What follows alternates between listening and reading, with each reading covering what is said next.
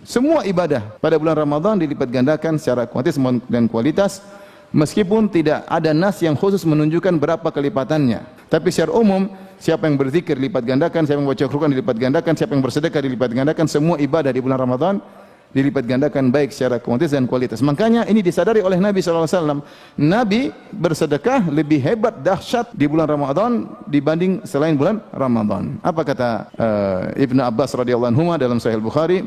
Kana Nabi SAW ajwadan nas. Rasulullah SAW adalah orang yang paling dermawan. Wa kana ajwad ma yakun fi Ramadan. Dan beliau di puncak kedermawanan adalah di bulan Ramadan. Sungguh Rasulullah SAW lebih hebat kebaikannya ketika beliau bertemu dengan Jibril. Nabi SAW lebih dermawan daripada angin yang berhembus, daripada angin yang yang berhembus. Di sini perumpamaan yang indah yang dibuat oleh Ibnu Abbas radhiyallahu taala anhuma ketika menggambarkan tentang kedermawanan Nabi sallallahu alaihi wasallam, kebaikan Nabi sallallahu alaihi wasallam dengan membandingkannya dengan angin yang berhembus. Angin yang berhembus memiliki dua sifat. Sifat pertama dia cepat cepat berhembus. Kalau angin berhembus cepat dia berpindah dari satu tempat ke tempat yang lain. Yang kedua dia mudah beredar. Dia mudah apa? Mudah beredar, mudah tersebar.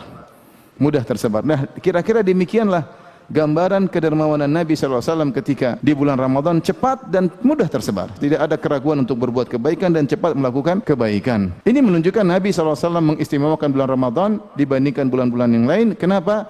Karena pahala di bulan Ramadan dilipat gandakan baik secara kuantitas maupun kualitas.